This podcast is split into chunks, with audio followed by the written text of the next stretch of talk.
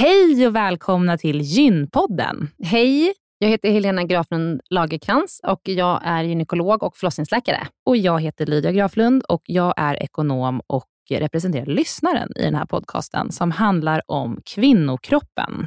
Det är vetenskaplig fakta om kvinnokroppen och det du hör i den här podden är det som man kan höra om man får träffa en läkare eller en barnmorska i ett eh, möte.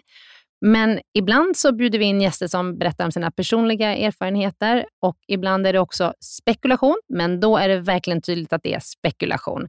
Annars är grunden för den här podden vetenskaplig fakta om kvinnokroppen. Så är det. Hoppas att ni vill lyssna.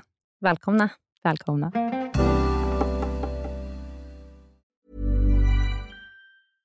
Hey, I'm Ryan Reynolds. At Mint Mobile, we like to do the opposite of what Big Wireless does. They charge you a lot, we charge you a little. So naturally, when they announced they'd be raising their prices due to inflation, we decided to deflate our prices due to not hating you. That's right. We're cutting the price of Mint Unlimited from $30 a month to just $15 a month. Give it a try at mintmobile.com slash switch. $45 upfront for three months plus taxes and fees. Promo for new customers for limited time. Unlimited more than 40 gigabytes per month. Slows. Full terms at mintmobile.com.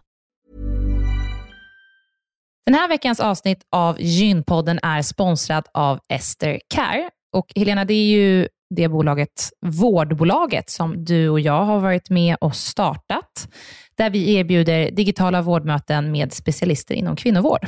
Precis. Och vi vet att det är väldigt mycket vårdpersonal som lyssnar på Gynpodden, vilket vi är jätteglada för.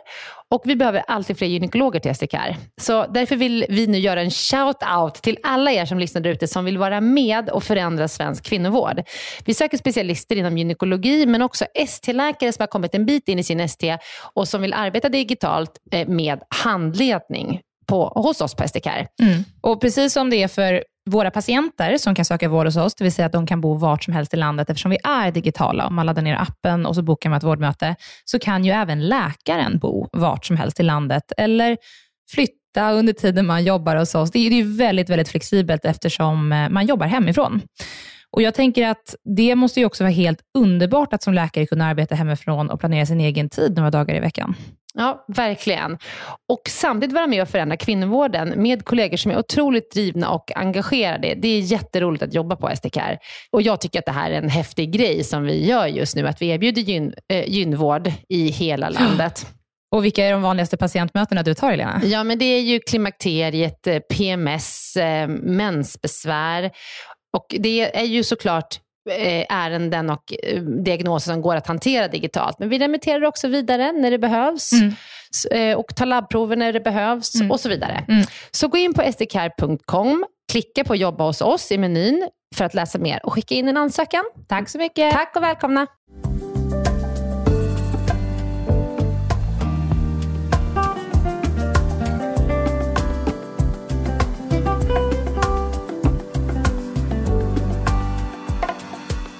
Välkomna till Gympodden svarar med Dr. Helena. Hej. Hallå. Vi har fått in en fråga eh, från en tjej som har problem med återkommande bartolinit. Ja. Och vad man kan göra åt det. Kan vi börja med att prata om vad det är? Ja. Bartolinets körtlar är två körtlar som sitter i slidan. De sitter, eh, om man tänker liksom slidöppningen, så sitter de eh, ganska långt ner och långt bak i slidan. Och de här, producerar, de här körtlarna producerar sekret, alltså ett slem. Och, eh, varje producerar de flytningar? Nej, det är någonting annat. Ja, Eller? flytningar är ju ett samlingsbegrepp för eh, allt. slem och mm. lite allt möjligt. Men de här, just de här körtlarna producerar ett sekret. Och eh, då, så sekretet som, liksom slemmet som körtlarna producerar måste ju komma ut via en utförsgång. Och den här utförsgången kan ibland täppas till. Och Då blir det liksom stopp utförsgången och då blir den här körteln inflammerad. Det blir oftast att det blir en bakterietillväxt där inne och det här gör fruktansvärt ont. Och Det här är ju en vanlig återkommande eh, liksom, patient som ofta kommer till gynakuten, för det gör så fruktansvärt ont. På vilket sätt gör det ont? De, du får inte körteln, klåda, utan det här är något annat. Körteln blir ju stor som en, den kan bli stor som en golfboll eller ännu större. Och eh, fruktansvärt ömmande. Man kan inte sitta ner, eh, man, det kan, man kan inte gå, man kan inte ha på sig underkläder.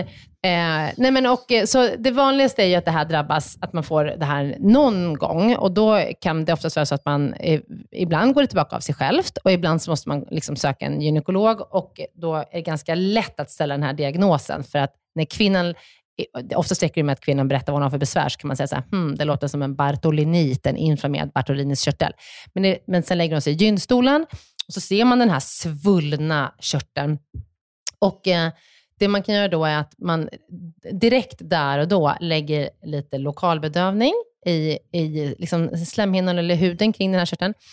Och sen så punkterar man den. Att man liksom tar en skalpell, öppnar upp den och, sen, och det är ju som att släppa liksom, eh, trycket, alltså som en ballong. Så, alltså, och kvinnan känner sig åh oh, vad skönt, nu släppte trycket.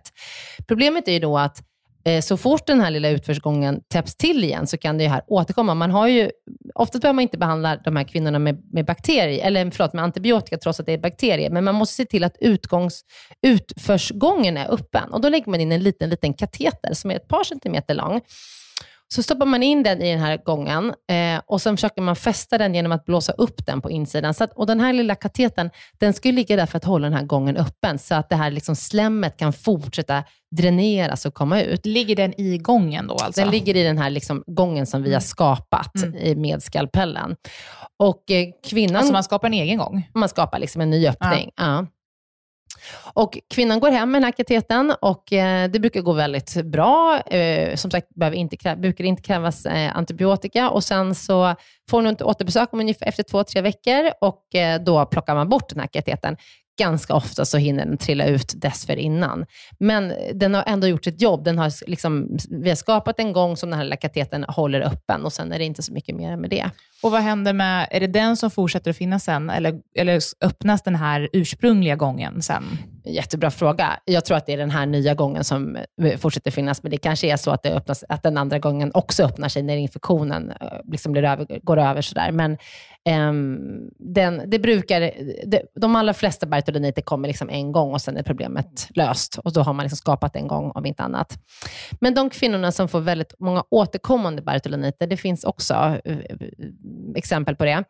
Då räcker det liksom inte med att sätta in den här kateten och göra den här liksom tillfälliga gången på gynakuten, utan då behöver man göra en lite större operation.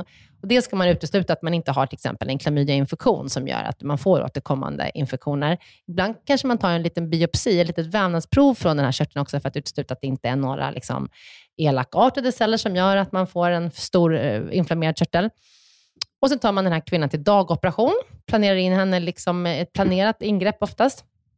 Och Sen så, eh, så kan man säga att man lägger som ett, liksom ett kryss i, i slidan eh, med en skalpell och sen syr man liksom upp kanterna så att det blir som en större öppning som inte sen kan direkt växa igen. Eh, så det är liksom den vanligaste operationen som man gör som man inte gör i det akuta skedet. Kan man ta bort den?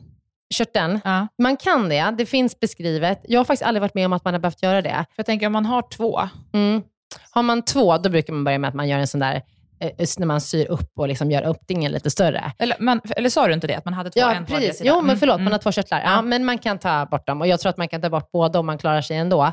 Men eh, det är inte så jättevanligt att man behöver göra det. Men man kan ta bort körtlarna. Mm. Men det vanligaste är, om man har flera sådana här bartoloniter, det är att man eh, utesluter infektion, man utesluter att det är några farliga bakomliggande orsaker, speciellt om det är äldre kvinnor, och man gör en sån öppningsoperation. Mm. Okay.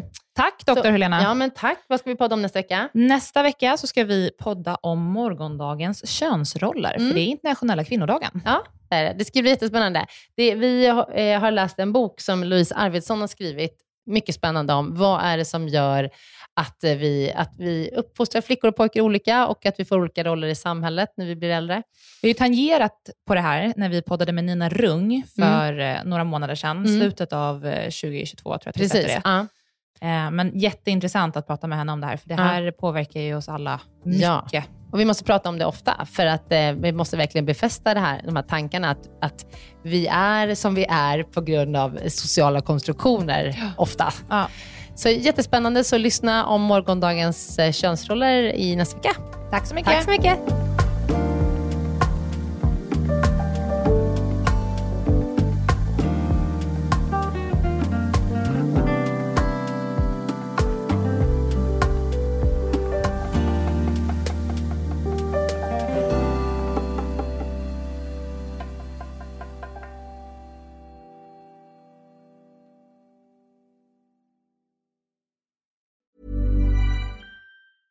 Mom deserves the best, and there's no better place to shop for Mother's Day than Whole Foods Market. They're your destination for unbeatable savings, from premium gifts to show-stopping flowers and irresistible desserts. Start by saving 33% with Prime on all body care and candles. Then get a 15-stem bunch of tulips for just $9.99 each with Prime. Round out Mom's menu with festive rosé, irresistible berry chantilly cake, and more special treats. Come celebrate Mother's Day at Whole Foods Market.